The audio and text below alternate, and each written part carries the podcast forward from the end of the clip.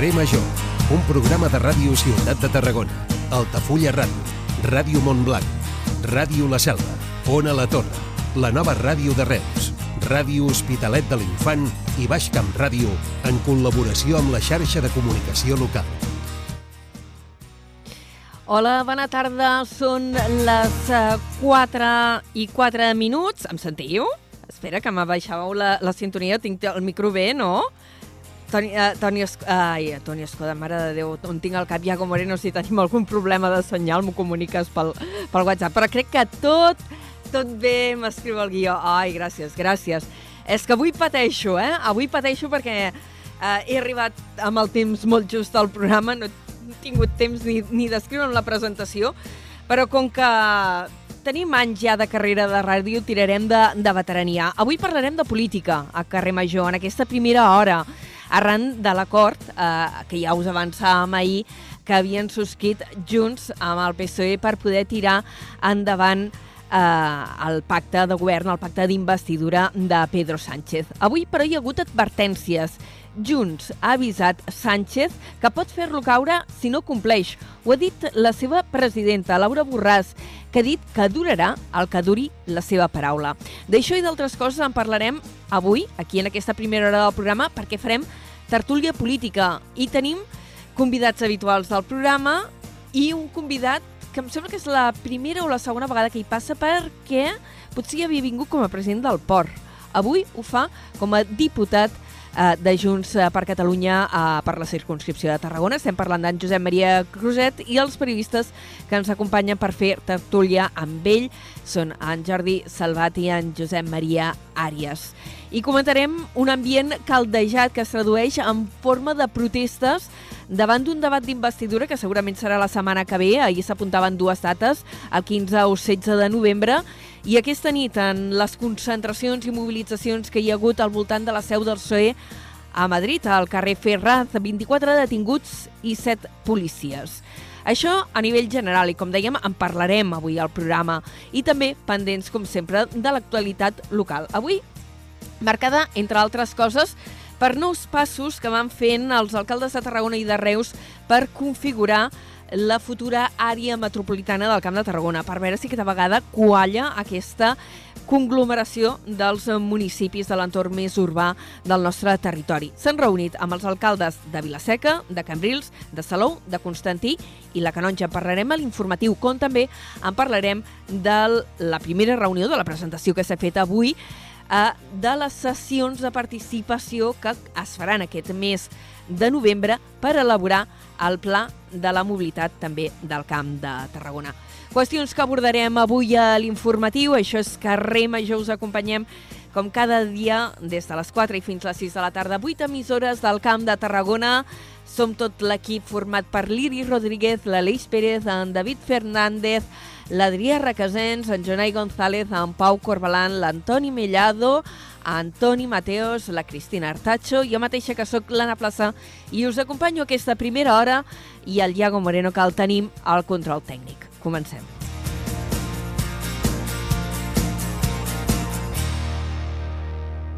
Carrer Major, Anna Plaza i Jonai González.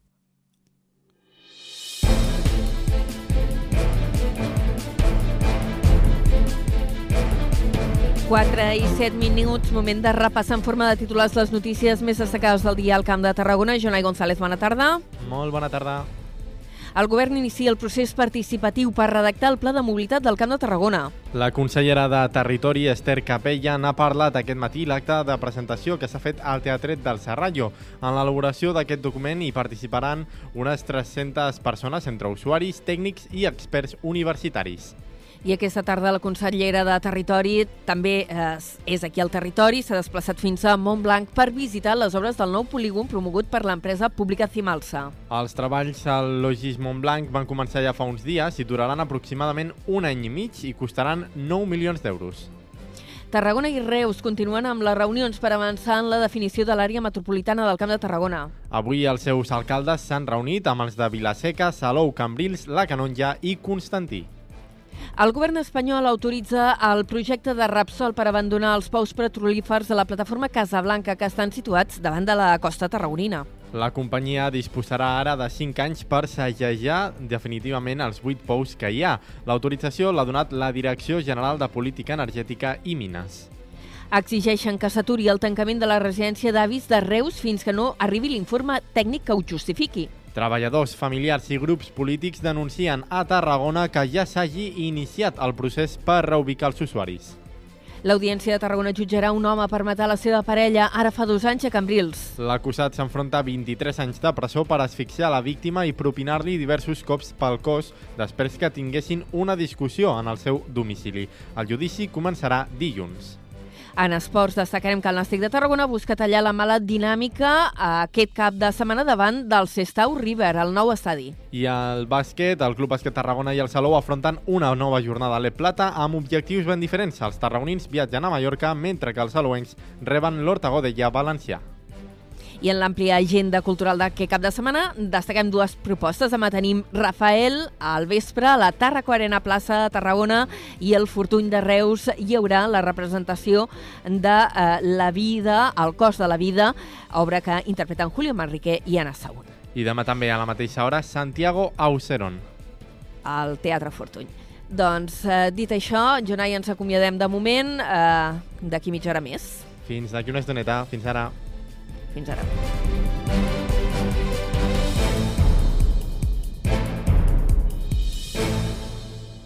Carrer Major.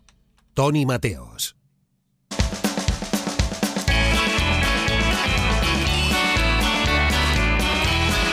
Mateos! Plaça! Què? Ah, és divendres! Yes! És, es nota, es nota. I es respira un, una flaire diferent aquí a la ràdio. Aire. Oh, mira, doncs jo quan surti d'aquí encara tinc més feina, perquè me'n vaig a ensejar teatre. Què et sembla? Bé, bueno, però és una feina que t'agrada. Molt, però Veus? estaré molt cansada, també t'ho he de dir. I exigiré una entrevista, ja t'ho ja explicaré. Exigiràs una entrevista amb algú del Exigiré una teatre. entrevista. Home, sí, perquè anirem a Reus. Tenim Ah. bolo a Reus. Teniu vol a Reus? Sala Santa Sí. Llúcia? Sala Santa Llúcia. Fantàstic lloc, eh? Fantàstic lloc. Sí. Digue-li al senyor Vallès... bonic, és molt al- bonic, els ha Sí, quedat sí. preciós. Sí, sí, sí. Li, dius, li dones al senyor Vallès records de part meva i ja veuràs. De part Ui, teva. marxarà corrent, ja Contentíssim. Ah, Estic contentíssim, sí, sí, sí. Molts anys, molts, molts anys he estat jo a, allà a Santa Llúcia. Molts anys, a l'Esbar Santa Molts Llúcia. anys. Ai, Perquè jo- ah, ballaves a Esbarda, això no ho sabia. Tinc un passat, jo, a Ana Plaza. Mare de Déu. Jo ballava a l'Esbar Santa Llúcia, sí, sí. Mare meva. Escolta, deixem-nos d'històries personals que no acabaríem mai. I, la- i avui tenim de la tres Mili, no? convidats. sí, I, I la amb ganes, amb ganes. Tres convidats que venen amb ganes. Sí, mira. Sí, sí, sí, i no els vull fer esperar massa. Mira. Uh, què tenim a la segona hora? Ràpid, eh, parlarem del Memory Match amb la directora artística, la Anna Petrus. El Jordi Palau, el nostre Da Vinci del segle XXI, el nostre criminòleg favorit, ens parlarà d'adolescents i drogues. Atents, pares i mares. Uh, mare. els Tonis parlarem del 11, perquè demà és 11 de l'11. Ah, sí. Sí, sí, sí, i és el dia del solter a la Xina, i Ah, sí? coses... Sí, sí, sí, i coses místiques i màgiques del número 11 que et quedaràs flipada. Banda Demà l'evitaré. Sí, Banda sonora a del- Sí, sí, Sí, sí, a sí, sí, patinar. Banda sonora del Camp de Tarragona i també anirem a Valls, a Valls Història Viva, amb la Cristina Arancho, eh, que ens parlarà de- d'aquesta ruta per diferents indrets, indrets de Valls. No li canvies el nom, pobreta, Artacho. Ah, a- Arancho, li he dit. Ar- com estic? És que És acaba de divendres. començar, pobre, acaba de començar. És divendres, és, És divendres, necessitem Perdona descansar. Vinga, va, uh, d'aquí tres quarts comences tu. I tant. Fins ara. Adéu. Fins ara, Anna. Adéu, adéu.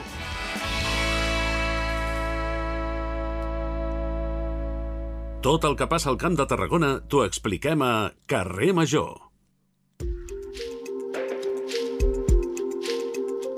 I ja us ho hem dit en la presentació, avui, sense preàmbuls, volem fer tertúlia, perquè ahir hi havia aquest acord, que ara analitzarem si és històric o no, entre Junts i el PSOE per conformar eh, nou govern a Madrid per fer possible la investidura de Pedro Sánchez. Ens eh, acompanyen dos habituals eh, del programa, perquè ja ens han acompanyat en moltes tertúlies eh, polítiques, el Jordi Salvat, que el tinc aquí amb mi als estudis d'Ona a la Torre. Jordi, bona tarda.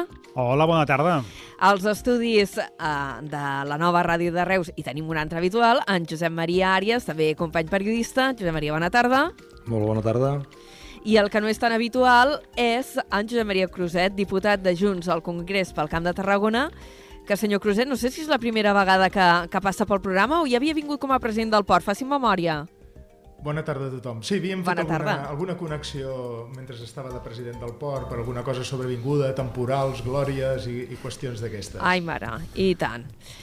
Doncs, eh, senyor Cruzet, si em permet, jo introdueixo una primera pregunta, perquè és el que toca fer, i després, ja que tenim el, el Jordi Salvat i el Josep Maria Àries, deixarem que l'entrevista flueixi i sigui més en format tertúlia i la puguem fer tres bandes.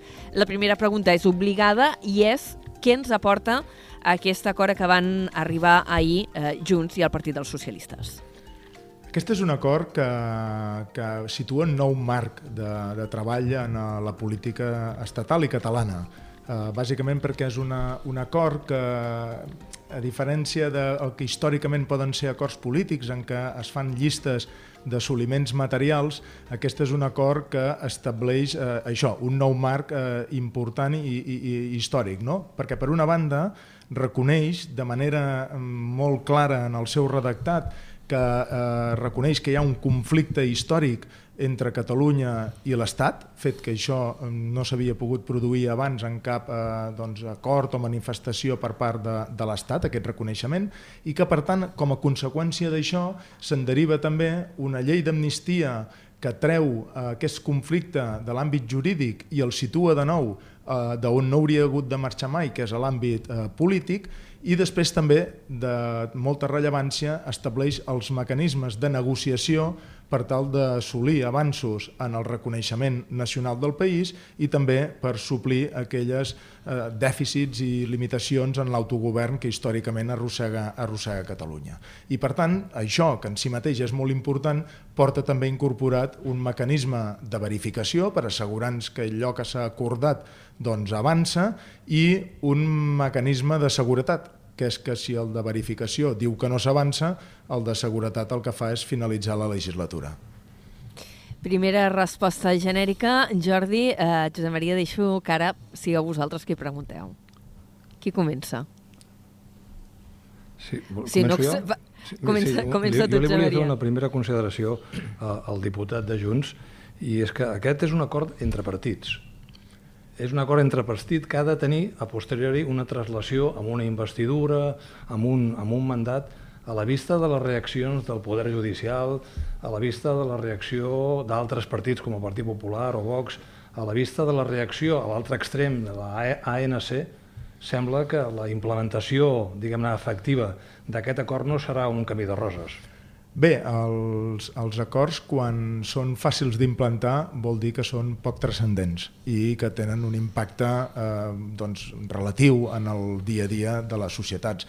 Aquells acords que transformen i canvien un marc i un paradigma, doncs, evidentment, com tot canvi en una societat, pot trobar les seves, les seves resistències. De fet, jo crec que les reaccions, sobretot en l'àmbit eh, jurídic, en l'àmbit de la dreta i de l'extrema dreta, que els hem vist aquests dies eh, manifestant-se al carrer, fent eh, proclames verbals doncs, dures, etc etc, és també, en certa manera, un mecanisme de validació de que allò que s'estava negociant i s'ha acordat doncs, va més enllà del que seria un acord ordinari que, per tant, verifica i valida que és un canvi de paradigma com es feia en la introducció del resultat d'aquest acord. I la reacció de l'ANC sembla que hi ha un sector de l'independentisme que considera que no és suficient. Jo no sé si arribaran a verbalitzar la paraula traïdoria Bé, en l'àmbit de, de l'independentisme, com passa en tots els àmbits, passa en els àmbits esportius, eh, doncs amb els seguidors dels clubs, etc etc, doncs eh, sempre ens hi aglutinem eh, doncs, tot un ventall de, de ciutadans amb una opinió doncs, des d'una vessant fins a una altra. I és inevitable que quan un fa un marc de negociació i arriba amb un acord eh, que assoleix unes fites, doncs hi pugui veure qui consideri que són insuficients i és legítim i respectable i eh, hi pot haver qui consideri que són importants. La, la, la prova de, de, definitiva en aquest resultat és veure eh, on és el gruix de la societat. I és evident que avui hi ha una àmplia satisfacció entre els ciutadans de Catalunya per aquest canvi de paradigma que produeix aquest acord. En la línia que ara comentava en Josep Maria Àries, permetin que li traslladi eh, paraules que hem llegit ara aquest mateix migdia de Clara Ponsatí, que ha qualificat l'acord entre Junts i el PSOE d'una humiliació per al país i que és al final del trajecte. Bé, el, insisteixo, eh, és obvi que cadascú fa el, el posicionament que creu eh, des del seu punt de vista, no?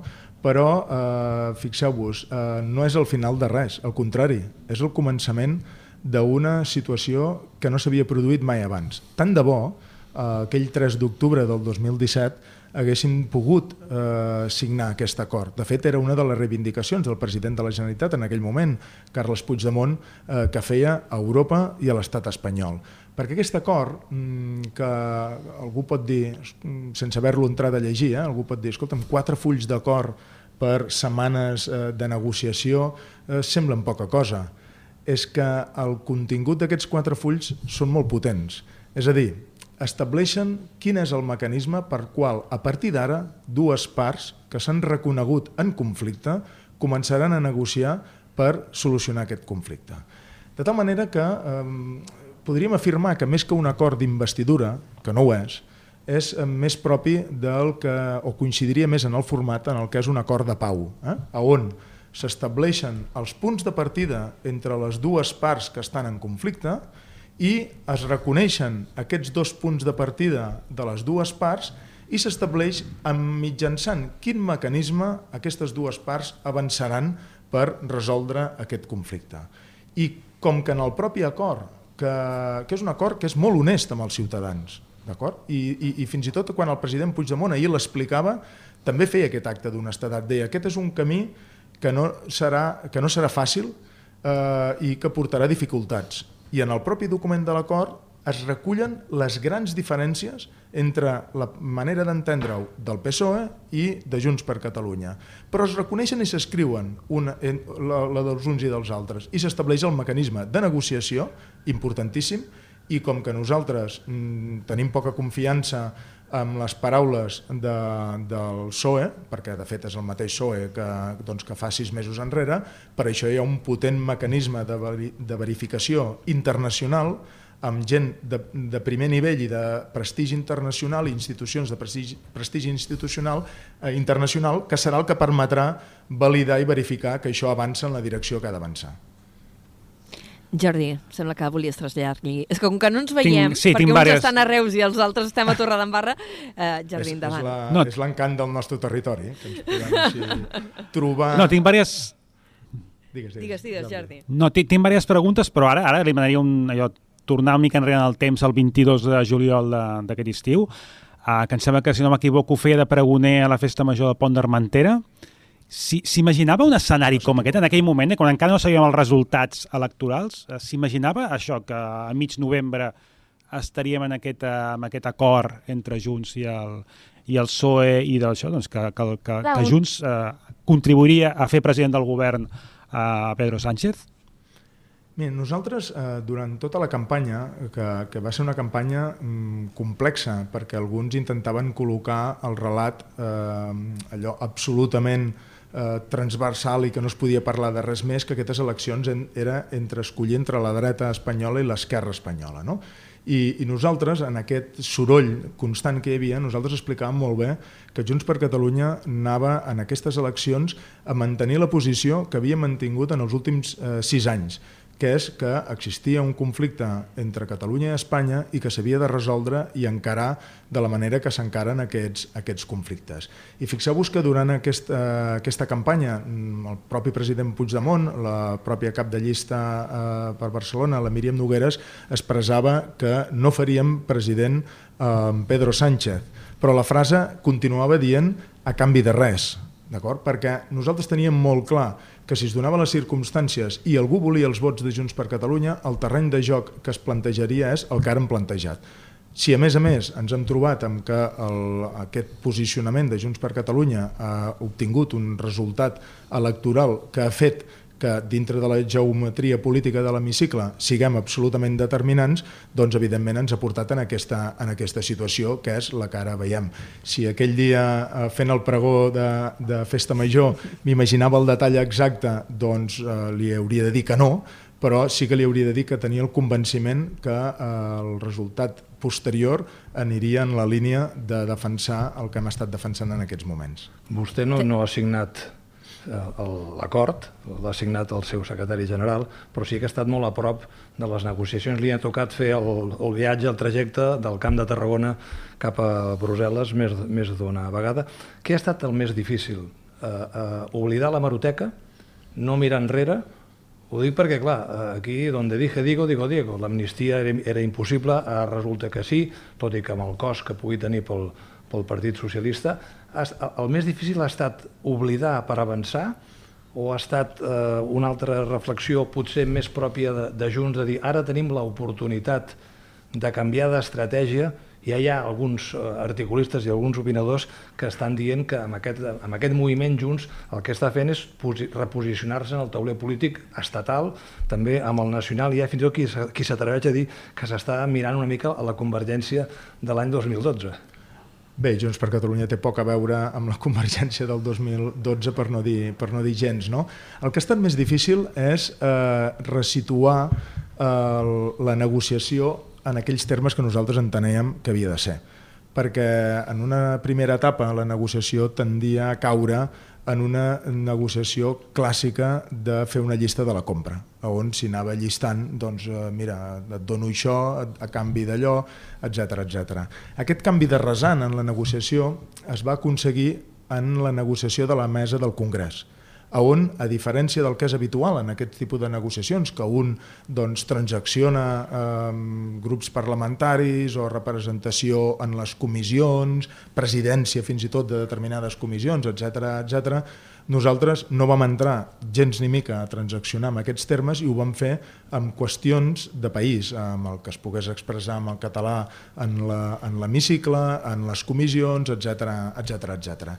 I allò que va ser difícil, perquè de fet vam entrar a l'hemicicle gairebé sense saber si podríem acabar votant que sí, perquè no havia arribat encara la validació del registre a la Unió Europea conforme es demanava a l'oficialitat del català a Europa, doncs allò va permetre un canvi de resant en la negociació, que és que això no anava de llistes, això no anava de fer una, una petita compra i, i que ja estava, això anava d'una altra, altra realitat. I de fet, per això ha costat tant l'acord i aquestes quatre fulles eh, han requerit de tant de temps, perquè no hi ha una paraula que no hi sigui perquè hi ha de ser. I perquè hi ha una cosa molt important, jo convido el, els oients a llegir-se el document pensant que aquell document el firma el PSOE i, eh, i evidentment el firma Junts, i per tant que s'hi reconeixen fets històrics des del decret de nova planta fins a l'actualitat i s'hi reconeix el conflicte existent entre Catalunya i Espanya quan això abans no s'havia reconegut mai. Només es deia que era un problema intern, si us en recordeu, que era un tema de, de conflicte intern a Catalunya, etc etc. Per tant, aquest eh, element, el canvi de paradigma de dir això no és una llista de la compra, sinó que és anem a veure com ens entendrem d'ara en endavant per avançar en el conflicte, ha sigut la gran dificultat d'aquest acord, que al final s'ha resol, resol i ha donat el resultat que ha donat. Jordi? Jo aquesta sensació que, que dèiem de que torna la, entre cometes, la millor convergència, jo també la tinc, però jo retrocedeixo al 93, és a dir, quan, quan Convergència, per primer cop, es va veure decisiva a l'hora d'influir a Madrid. I en aquella època doncs, Jordi Pujol va anar a Madrid i va pactar amb el PSOE doncs, una sèrie d'acords en aquell moment, que estem parlant de fa 30 anys que era tot molt diferent d'actualment. I en aquell moment Junts s'ha tornat a trobar com a decisiva, perquè és que el PSOE no tenia cap més opció que pactar, que pactar, que pactar amb Junts. És que no, no hi havia cap més equació per, per mantenir-se al govern. I en aquest, mm, o sigui, el que ha fet eh, Junts ha sigut aprofitar al màxim doncs, aquesta, aquesta situació i fer passar pel tub, allò parlar-ho, a, a, al PSOE. Ara, jo és el que dèiem abans, a mi eh, el PSOE és un partit molt acostumat a, a, a no respectar els pactes i coses que havia pactat doncs, que no que no les accepta, no sé, mm, aquests sí, mecanismes que teniu molt ben lligats, però, però no sé, jo, jo, jo almenys continuo tenint una certa desconfiança de que el PSOE eh, doncs pugui, pugui això, pugui respectar tots aquests acords que hi ha en aquest document. sobretot sí. en, el, en, el, en el nivell més, més na, nacional i d'aquest i d'aquest d'aquest reconeixement d'aquest problema polític i clar, quan reconeixes un problema polític reconeixes que hi ha dues parts, una i l'altra. Sí, de, de fet, uh, quan jo dic uh, que, és, que és molt diferent d'aquella anterior manera de fer política és perquè aquella anterior uh, manera es centrava molt en la llista, eh? uh, en l'assoliment d'uns conceptes El peix al cova. El peix al cova, exacte. No? I, I ara estem parlant de, de la canya de pescar, d'acord? que és l'instrument mitjançant el qual uh, avançarem i uh, resoldrem aquest, aquest conflicte. I, I aquestes discrepàncies jo per això deia que aquest és un acord honest perquè en el propi redactat de l'acord hi figuren. I de fet es diu, eh? en, el, en la primera frase dels acords, diu el PSOE i Junts reconeixen les profundes discrepàncies i són conscients de la complexitat i dels obstacles del procés que es disposen a emprendre. Per tant, queda en la primera de les frases que eh, encapçalen els posteriors acords que, que vindran. Precisament per això ha costat tant, perquè com que hi ha aquestes dificultats eh, reconegudes entre les parts, no n'hi havia prou amb dir farem un espai de negociació. No, no, hi havia d'haver un mecanisme de verificació. I no podia ser qualsevol mecanisme de, veri de verificació. Aquests dies hem anat sentint noms eh, a nivell personal respectables, no? com eh, eh, anteriors presidents de l'Estat, etc etc. però això era, no servia, perquè això no era un mecanisme de verificació.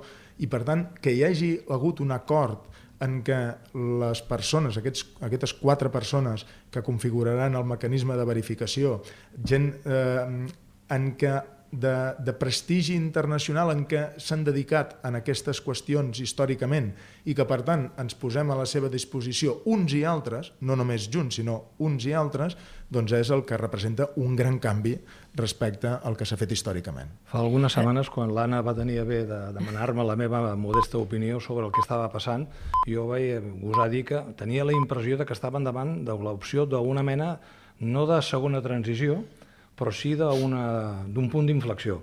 Si veiem la llista dels presumptes beneficiats d'aquest acord, n'hi ha un d'immediat, que és que el senyor Pedro Sánchez sembla ser que aconseguirà la majoria per la investidura, els amnistiats, el Partit Socialista veurem com s'ho manega, com ho rendibilitza o com frena les fugues que té, perquè té gent que, està, que, està, que, que està en contra, no? -huh. expresidents.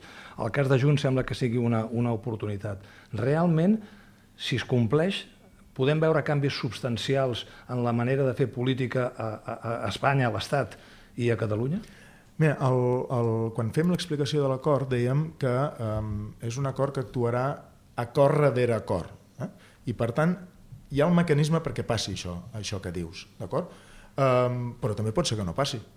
Mm, de fet, si no consideréssim l'opció que hi hagués un incompliment o que no s'avancés, perquè una cosa és incomplir i l'altra és dir, escolta, anem anant allò fent eh, passar setmanes i, que dies passen ja molt bé, eh? eh? que ho hem viscut això en, en els anys passats no? que, que allò que s'havia de reunir periòdicament doncs, s'ha doncs, acabat reunint un cop a l'any o, o gairebé eh, sense data mai de, de reunió de la taula de diàleg, etc etc.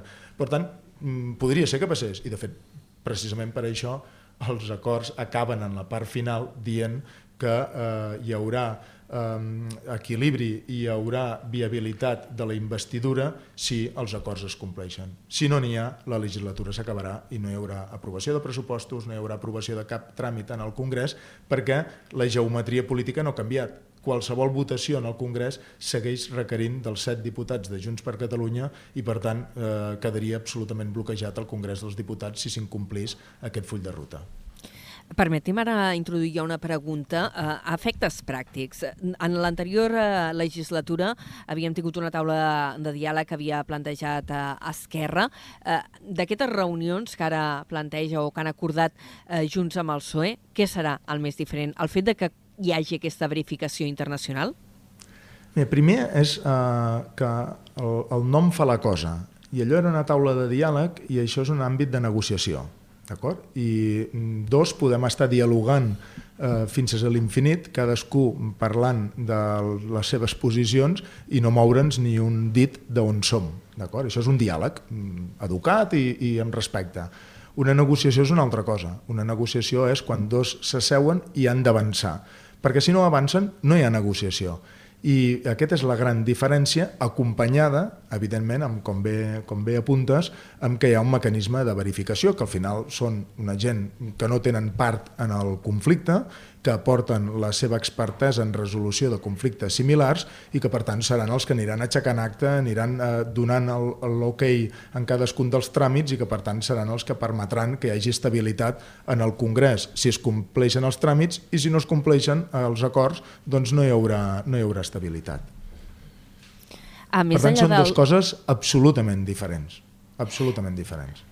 Senyor Cruz, per, permeti'm que, que introdueixi un altre tema, que és el, el de l'amnistia, que, que això ja quan se va començar les negociacions ja estava més clar eh, que bueno, seria un punt crucial eh, que s'havia de posar sobre la taula i s'havia escordat també a, amb Esquerra, però s'ha introduït ara el concepte del lawfare, aquesta judicialització eh, de la política, i ahir, si em permet un terme propi de les sèries i dels guions eh, cinematogràfics, eh, crec que el president Puigdemont va introduir un cliffhanger, eh, és allò de, et deixa amb, amb la mel als llavis de el que pot venir, volem dir, encara floraran més casos. Sí, perquè en aquesta part de, de l'amnistia, que, que també ha portat molt de, molt de treball, en aquest cas més en l'àmbit eh, tècnic i jurídic, perquè tots eh, som conscients que la llei que en surti del Congrés dels Diputats serà eh, analitzada en lupa per a veure eh, si se li pot trobar alguna esquerda per no donar-li viabilitat. I per tant, com que això era voluntat de les parts de que no fos així, doncs s'ha treballat molt tècnicament i jurídicament per deixar-la eh, blindada i que, tingui, i que tingui recorregut. Aquesta llei eh, ha hagut d'abraçar tots els escenaris de gent que s'hagin pogut veure perjudicats en aquests últims anys per al procés d'independència del, nostre, del nostre país. Hi ha un exemple que ho il·lustra molt, que ho il·lustra molt bé. El 2012, en un viatge en el seu moment del, del seu moment president de la Generalitat, Artur Mas, als Estats Units, a fer una, una inauguració d'una empresa catalana que inaugurava unes instal·lacions en els Estats Units de molta rellevància, en un moment de la tensió a mitjans, un dels mitjans que hi havia en, la, en aquella roda de premsa li pregunten al president Mas per la, pel procés d'independència a Catalunya i, evidentment, el president de la Generalitat faltaria més, contesta el que creu convenient contestar en aquell moment i en aquell marc mental del, 2000, del 2012. Aquesta resposta va servir perquè els jutjats entenguessin que aquelles despeses s'havien fet en el marc del, del, segons els jutjats, il·legal procés d'independència de Catalunya i, per tant, que s'imputessin eh, no només eh, polítics, sinó els funcionaris que havien contractat i que havien pagat les factures d'aquell viatge que res tenia a veure amb el procés que estava vivint el, el país. És evident que aquella gent, els, eh, els funcionaris, eh, els treballadors de la Generalitat, que es troben embolicats en aquest tema per a una matèria que no té res a veure amb el procés d'independència, era mm, necessari, èticament necessari, que quedessin protegits per la llei d'amnistia. D'aquí que haguéssim d'extendre-la més enllà del que és pròpiament el nou, el, el, la consulta del 9 d'octubre, ai del 9N, el referèndum de l'1 d'octubre, etc etc etc. I això ha estat, eh, ha estat difícil. I amb aquesta voluntat d'aprofundir-hi molt, arribem a un últim nivell, no? que és de dir, escolti'm, com que hi ha les comissions d'investigació en marxa que es van negociar en la constitució de la mesa del Congrés, eh, el que és el Catalan Gate, eh, el que és la comissió del Pegasus, etc etc. d'aquí en poden aflorar coses que també correlacionin gent que estan en processos judicials que té a veure amb aquest procés que vivia el país de manera indirecta. I, per tant, també s'ha volgut incorporar, i aquest era l'apunt que feia el president Puigdemont en la presentació, de dir, escolti'm, i fins i tot podem trobar que fruit d'aquestes comissions d'investigació algú més s'hagi d'encardinar en aquesta llei d'amnistia. Abans, Josep Maria Coset ha parlat de la importància de les paraules d'aquest acord. Jo no sé si Pompeu Fabra ha estat present en les negociacions, però hi ha una paraula que costa de trobar, que és el del referèndum i el de l'autodeterminació una de les preguntes i una de les queixes, ahir la verbalitzava la CUP de la forma contundent com acostumen a, a fer. Eh, aquesta carpeta eh, està arxivada, està hibernada? No, no, no, no miri, eh, jo ara tinc el document aquí al davant, eh? i casualment, mira, a la pàgina 2, a la part, eh, just després d'aquella frase que he llegit abans, diu, d'una banda, Junts considera legítim el resultat i el mandat del referèndum de l'1 d'octubre, així com la declaració d'independència del 27 d'octubre del 2017. La frase just després que ve de la que he llegit abans en què es reconeixíem les, les discrepàncies. Per això ho diu Junts. No, no, aquest és el document firmat per les parts. D'acord? Firmat per les parts. En l'acord hi figura, hi figura això. I després, quan s'estableix eh, els àmbits de, de treball, eh, s'estableix que, llegeixo, eh, Junts proposarà la celebració d'un referèndum d'autodeterminació sobre el futur polític de Catalunya emparat per l'article 92 de la, de la Constitució. D'acord? Per tant, eh, hi podríem anar fent, eh? això ha sigut ara mentre parlàvem, ho has vist tu, tu mateix, que he, he, he llançat els ulls al document. Per tant, el document està plegat de referències a allò que precisament és diferencial, que és que parlem de país, parlem de procés i parlem de, eh, de, de referèndum i d'independència. En tot cas, el PSOE subscriu el que diu Junts. Altra cosa és que ho accepti. No, no, el, el fixeu... Potser, potser sí, ho interpreto sí. malament, eh? No, no... Uh... Ho dic lligant una miqueta amb la que apuntava, la desconfiança que, apunta, que apuntava abans el Jordi Salvat, de que, bueno, molt sí, bé, et reconec, sé que no hi estem d'acord, però tot això que em dius, quan arribi a la meva taula ja veurem què em faré. No, perquè el, el, fixeu-vos que, que això primer era impensable que el PSOE pogués posar la rúbrica en un document on encara que diu Junts diu o Junts eh, posicionarà això, això hi, hi hagués una rúbrica. Això era impensable i ara, i ara ha passat però a més a més respon allò que us explicava abans. Les dues, es recullen els dos punts de partida de cadascú i a partir d'aquí actuaran els mecanismes de negociació,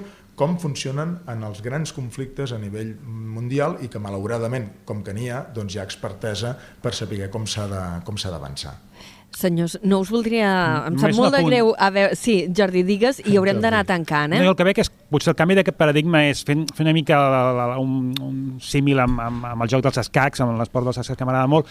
Mm, la, potser l'any del 2000 fins al 2017-2018 va ser una partida molt, diríem, de, de cops i molt oberta i ara anem cap a un escenari molt tancat on els avanços amb aquest nou terreny de joc seran molt mínims. Mm, serà un joc molt posicional s'ha d'intentar doncs, guanyar l'adversari molt a poc a poc. I s'ha fet aquest terreny de joc, que és aquest document, i ara vindrà aquesta partida que serà llarga. Per tant, la gent allò del tenim pressa, el tenim pressa l'hem de deixar enrere, perquè ara la cosa anirà, jo, jo crec, que, que anirà molt a poc a poc. Sí, Jordi, jo més que avanços mínims, jo crec que els avanços seran eh, successius.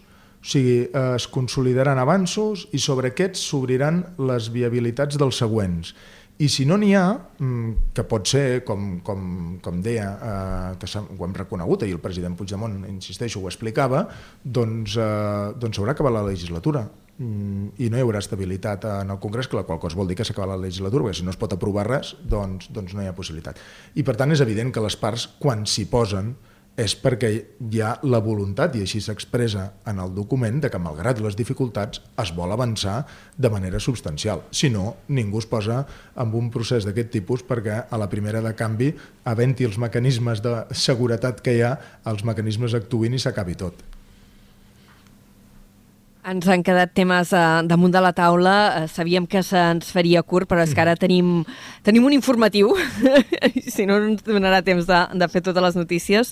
Uh, li agraïm molt la complicitat, senyor Cruzet, d'haver participat avui a aquesta uh, petita tertúlia d'una mica de més de mitja hora per analitzar uh, també des del punt de vista dels representants del nostre territori aquest acord entre Junts i el PSOE uh, que permetrà o uh, favorirà la, la investidura de Pedro Sánchez previsiblement la, la setmana vinent i un, gran, un cop més també agraïm la, la implicació d'en Jordi Salvat i en Josep Maria Àries, la confiança que feu en aquest programa amb el qual col·laboreu de, de tant en Et confesso que m'he quedat amb les ganes d'aprofundir en aquest concepte d'acord de pau que ha dit el senyor Cruzet. Ui, jo tinc ganes de preguntar-li 50 dia. coses més, dia. però o jo... canviem de format de programa o no podem fer tertúlies més llargues. Jo, jo tinc moltes ganes de saber qui serà el relator. Jo també. O relatora, o relatora. O, o relators o relatores, perquè són més d'un, sí, no, senyor sí Cruzet? Sí se sap, eh? Sí se sap, perquè... Qui seran? El, no, no, dic, poso en condicional, perquè ah. el, les persones ja estan eh, acordades, eh, ho han acceptat eh, fer-ho, però en aquests àmbits eh, sempre eh, preval l'absoluta discreció i el no conèixer qui són eh, més enllà de les parts que estan negociant, que evidentment sí que ho saben. Com, per tant, ens podem trobar que hi hagi només un coordinador que sigui el que és públic, que pugui eh, manifestar o expressar allò que sigui necessari, però la resta es mantinguin en la, en la discreció. Jo, Anna, eh, ja sé que anem molt justos, eh, però només Fatal. un apunt. Jo volia donar-te les gràcies perquè suposo que no passarà res que ho desvetlli, però fa moltes setmanes que l'Anna em demanava i m'insistia si podia atendre eh, doncs, eh, Per intentar. aquest programa. No? Jo li vaig demanar que mm, doncs, de no fer-ho perquè estàvem en aquesta posició de que per fer-ho bé, feu amb discreció, silenci i tot això. Però em vaig comprometre que l'endemà de la firma de l'acord eh, tan aviat com es pogués, jo estaria amb vosaltres i volia agrair-te eh, haver tingut la possibilitat de donar compliment a allò que jo em havia compromès amb tu de fer. Doncs a nosaltres li agraïm que, que hagi acceptat de participar aquí al programa i algun altre dia ja vindrà per parlar de temes més territorials que avui hem fet així un anàlisi polític molt, molt general. Moltíssimes gràcies a tots. Gràcies. Gràcies. Una Adéu. abraçada. Bon cap de Adéu, setmana. fins ara, companys. Igualment. Carrer Major, al Camp de Tarragona, des de ben a prop. I quan falten dos minuts eh, per tres quarts de mm, cinc de la tarda, doncs ens endinsem de pet a l'actualitat perquè si no no tindrem temps d'explicar-vos-ho tot. Avui comencem, obrim l'informatiu explicant-vos que el govern català inicia el procés participatiu per redactar el Pla de Mobilitat del Camp de Tarragona. La consellera de Territori, Esther Capella, n'ha parlat aquest matí en l'acte de presentació que s'ha fet al Teatret del Serrallo. En l'elaboració d'aquest eh, document hi participaran unes 300 persones entre usuaris, tècnics i experts universitaris. Jonai, bona tarda de nou. Bona tarda de nou. El procés participatiu es farà aquest novembre. El pla de mobilitat servirà per definir les millores que cal introduir al territori en el transport de persones i mercaderies entre els anys 2025 i 2030. S'ha de tenir en compte que més de la meitat dels desplaçaments a la demarcació encara es fan en vehicle privat. La diagnosi prèvia també conclou que en un dia feiner el 65% dels desplaçaments són intramunicipals. La voluntat és avançar cap a un model més sostenible i segur, potenciant el transport públic i també l'ús de bicicleta. Esther Capella és la consellera de Territori. pla director de, eh, de mobilitat és i ha de ser una eina essencial, un repte de país al que l'hem d'adequar a la realitat territorial en el que s'haurà de desenvolupar. El repte que tenim des del Departament per a la Catalunya sencera és que aquesta garantia d'accessibilitat sigui, sigui sostenible, que no contamini, que sigui segura, que sigui eficient i que sigui competitiva i que arribi també a tots els àmbits. Ara El Pla de Mobilitat al Camp de Tarragona contemplarà infraestructures i projectes que ja estan en fase de desenvolupament, com el tramcamp, la nova estació de Bellicens, que acaba de sortir a licitació, i la futura estació intermodal que es farà en terme de Vilaseca. Les sessions del procés participatiu es faran el 28, 29 i 30 de novembre al Teatret del Serrallo. Al matí, la consellera de Territori ha presentat, com dèiem, aquest procés participatiu per fer el pla de mobilitat del nostre territori i hores d'ara la tenim a Montblanc per visitar les obres del nou polígon promogut per l'empresa pública Cimalsa. Els treballs al Logis Montblanc van començar ja fa uns dies i duraran aproximadament un any i mig, costant 9 milions d'euros. Ens fa la prèvia de la visita en Pepe Ardila des de Ràdio Montblanc. Bona tarda. La consellera de Territori, Esther Capella, visita avui Montblanc per conèixer de prop l'evolució de les obres del futur polígon logístic de la capital de la Conca de Barberà que impulsa l'empresa pública Cimalsa. Les obres del Logis Montblanc tenen un termini d'execució de 17 mesos, tot i que les empreses confien acabar-los abans, i un pressupost de 9 milions d'euros, unes obres que van començar ara fa unes setmanes i que de moment han servit per començar a fer moviments de terres. L'objectiu dels treballs d'aquesta primera fase és urbanitzar els terrenys on s'instal·laran les empreses. La primera en ubicar-s'hi serà el grup Bonpreu Esclat, que construirà a Montblanc el seu segon centre logístic de Catalunya, per donar servei al sud de Catalunya i també a les terres de Lleida, amb una inversió global de 200 milions d'euros. La consellera està avui a Montblanc acompanyada del president de Cimalsa i també de l'alcalde del municipi, a més d'altres autoritats de la comarca i del territori. Abans de fer visita a les obres de Cimalsa a Montblanc, ha visitat l'Ajuntament on ha signat el llibre d'honor. Moltes gràcies, Pepe. Parlem ara de la nova reunió que hi ha hagut avui per avançar en la definició de l'àrea metropolitana del Camp de Tarragona. A més de Tarragona i Reus, en el projecte s'hi sumen Vilaseca, Cambrils, Salou, Constantí i la Canonja. Entre els objectius hi ha mancomunar serveis i també combatre el centralisme de Catalunya. L'alcalde de Tarragona, Rubén Viñuales, ha defensat el potencial del Camp de Tarragona i ha lamentat no tenir ni el, ni el reconeixement, ni la inversió, ni tot l'interès que hauria de tenir per part de la Generalitat. Creu que la configuració de l'àrea metropolitana del Camp de Tarragona pot ajudar a combatre el barcelonacentrisme. I a més a més volem que també se'ns tingui en compte. I històricament no s'ha tingut en compte aquesta part de Catalunya. I això també s'ha d'acabar. Sempre hi ha hagut una visió barcelonacentrista o de mirar del Llobregat cap a dalt, si em permeten l'expressió. Això s'ha d'acabar. La Catalunya Sud existint. Per la seva banda, l'alcaldessa de Reus, Sandra Guaita, ha insistit que l'àrea metropolitana ha de ser una eina útil per a mancomunar serveis un exemple claríssim i en el que tots els alcaldes i alcaldesses han ficat damunt de la taula és el tema del transport, del transport públic, no? com podem encomanar serveis en transport públic per donar una millor resposta territorial als nostres ciutadans i ciutadanes, però hi ha molts altres serveis en els que estem treballant, el que es posarà damunt de la taula amb aquest projecte inicial que, estem, eh, que, que s'ha demanat un, un informe previ, en el qual el tema dels residus, el tema de l'aigua, com abordem la problemàtica de la sequera de l'aigua, el tema de l'energia, en una primera reunió, Sandra Guaita i Rubén Viñuales s'han trobat a Vilaseca amb l'alcalde Pere Segura i posteriorment a Cambrils s'han reunit amb els alcaldes de Cambrils, Salou, Constantí i la Canonja. Avui també hem sabut que el govern espanyol ha autoritzat el projecte de Rapsol per abandonar els pous petrolífers a la plataforma Casablanca, situats davant de la costa tarragonina. La companyia disposarà ara de 5 anys per segellar definitivament els 8 pous que hi ha. L'autorització l'ha donat la Direcció General de Política Energètica i Mines. La companyia petroliera va comunicar formalment fa dos anys i mig la seva intenció de tancar definitivament aquestes instal·lacions. Es tracta de l'última explotació marina que queda operativa a l'estat espanyol. El motiu és la caiguda de producció durant els darrers anys. Avui dimecres, avui de, el butlletí oficial dimecres va publicar l'autorització per procedir al segellat definitiu dels pous que s'haurà de fer en un termini màxim de 5 anys. Per fer-ho s'introduirà una columna de ciment d'un mínim de 30 metres per formar una barrera permanent. A la plataforma Casablanca hi va arribar a haver 15 pous operatius. Ara en quedaven 8 d'actius que es van tancar fa dos anys. Es troben a una distància d'entre 30 i 42 quilòmetres de la costa i vinculats a la plataforma Casablanca des d'on un oleoducte submarí traslladava el cru produït fins la refineria de Tarragona. Les protestes pel trencament de la residència pública de Reus han arribat avui a la ciutat de Tarragona. Exigeixen que s'aturi el tancament de la residència d'avis fins que no arribi l'informe tècnic que el justifiqui.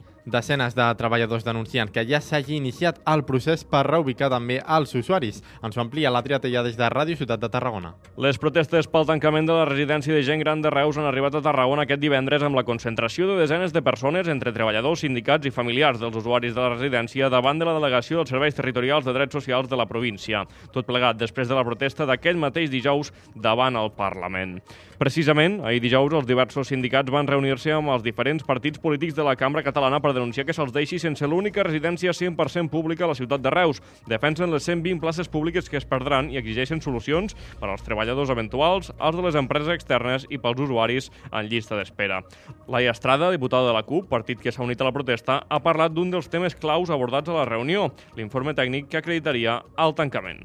I en aquesta reunió el que es va evidenciar és que ningú ha vist aquest informe tècnic que suposadament acredita o fonamenta el decisió, eh, la decisió del tancament. O sigui, absolutament ningú diu que ha vist l'informe. Clar, per nosaltres això és extremadament greu perquè eh, si aquest informe no s'ha vist o si aquest informe existeix però no diu que s'ha de fer un tancament imminent, el que està clar és que la decisió ja està presa. Davant d'aquesta situació, a banda de la concentració d'avui, s'han convocat més manifestacions per als pròxims dies, mentre que totes les parts s'han emplaçat a una reunió el pròxim 29 de novembre per trobar respostes o possibles alternatives al tancament immediat del centre. Són les 4 i 51 minuts. Seguim amb més notícies. L'Audiència de Tarragona jutjarà un home per matar la seva parella ara fa dos anys a Cambrils. L'acusat s'enfronta a 23 anys de presó per asfixiar la víctima i haver-li donat diversos cops pel cos eh, després que haguessin tingut una discussió al seu domicili. En concret, el Ministeri Públic li demana 21 anys de presó per un delicte d'assassinat amb traïdoria, un any per un delicte continuat de trencament de condemna i un altre any per maltractament en l'àmbit familiar. També li reclama 90.000 90 euros de responsabilitat civil per als familiars de la dona morta. L'investigat es troba en presó preventiva des dels fets i aquest divendres es constitueix el jurat popular i el judici arrencarà la setmana vinent. En l'àmbit del fet divers també us expliquem que els Mossos d'Esquadra han detingut aquest dimecres un home per robar joies i diners a cinc homes d'edat, cinc dones d'edat avançada a Tarragona. El detingut de 56 anys es feia passar per un operari de qualsevol professió i mitjançant l'engany accedia als pisos on vivien dones grans. Un cop al seu interior aprofitava qualsevol distracció per sostreure joies o diners. En un dels robatoris, l'arrestat va agredir a una dona de més de 90 anys i li va arrencar una cadena d'or del coll. Per aquests fets, els Mossos li atribueixen presumptament l'autoria d'un delicte de robatori amb violència, quatre furs i cinc violacions de domicili. L'home té més d'una vintena d'antecedents penals.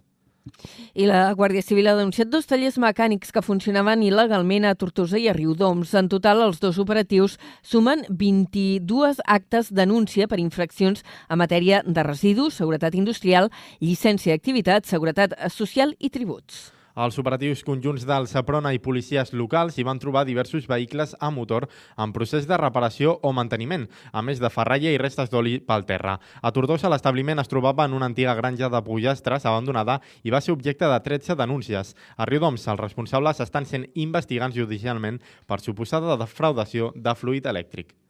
I en àmbit eh, municipal ens situem a Reus, on s'ha aprovat el projecte Aigües de Reus per recuperar i posar en valor el pont dels Calderons. La zona presenta actualment un important estat de deteriorament derivat de l'ús de la infraestructura i el pas de vehicles. El projecte preveu una inversió aproximada d'uns 125.000 euros i tres tipus d'intervencions. D'una banda, es proposa l'arranjament i recuperació de la part superior del pont pel que fa a la seva qualitat estètica i funcional. D'una altra, hi ha previst el canvi de paviment del camí que permet l'accés a aquesta infraestructura i finalment es planteja l'adequació d'una zona nova com a mirador de l'antic aquaducte.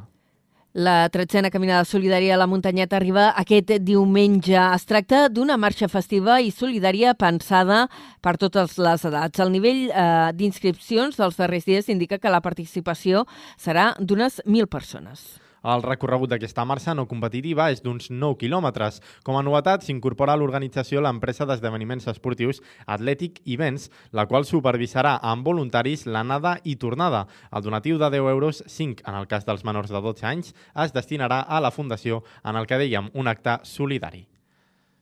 I acabarem aquest bloc de l'informatiu amb dos apunts gastronòmics. Una banda, la plaça de la Llibertat de Reus acull aquest cap de setmana, penseu-hi, la 26a edició de la Fira de l'Oli de la denominació d'origen protegida Ciurana i a Tarragona, a la plaça del Fòrum, hi haurà el Vinaro. En esports, primer fem la prèvia del Nàstic de Tarragona que busca tallar la mala dinàmica a temps i espera poder-ho fer aquest cap de setmana davant del Sestau River, al nou estadi. Els granes van quedar eliminats de la Copa del Rei i sumen sis partits consecutius sense guanyar.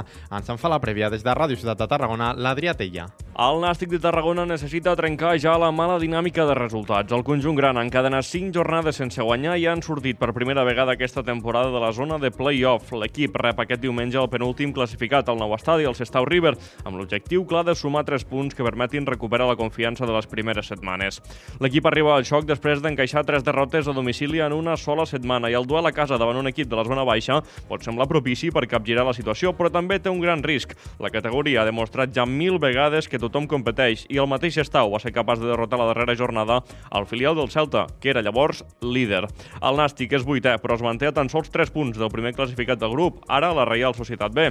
El triomf és una necessitat, però sobretot per apagar el foc d'una dinàmica tan negativa, no tant per les xifres globals del que va de temporada. Els grana no són lluny de res i si són capaços d'agafar una certa estabilitat a partir d'ara, aquest inici permetrà partir d'una posició per competir per qualsevol objectiu. El xoc davant el Sestau es disputarà aquest diumenge a les 8 del vespre al nou estadi de Tarragona.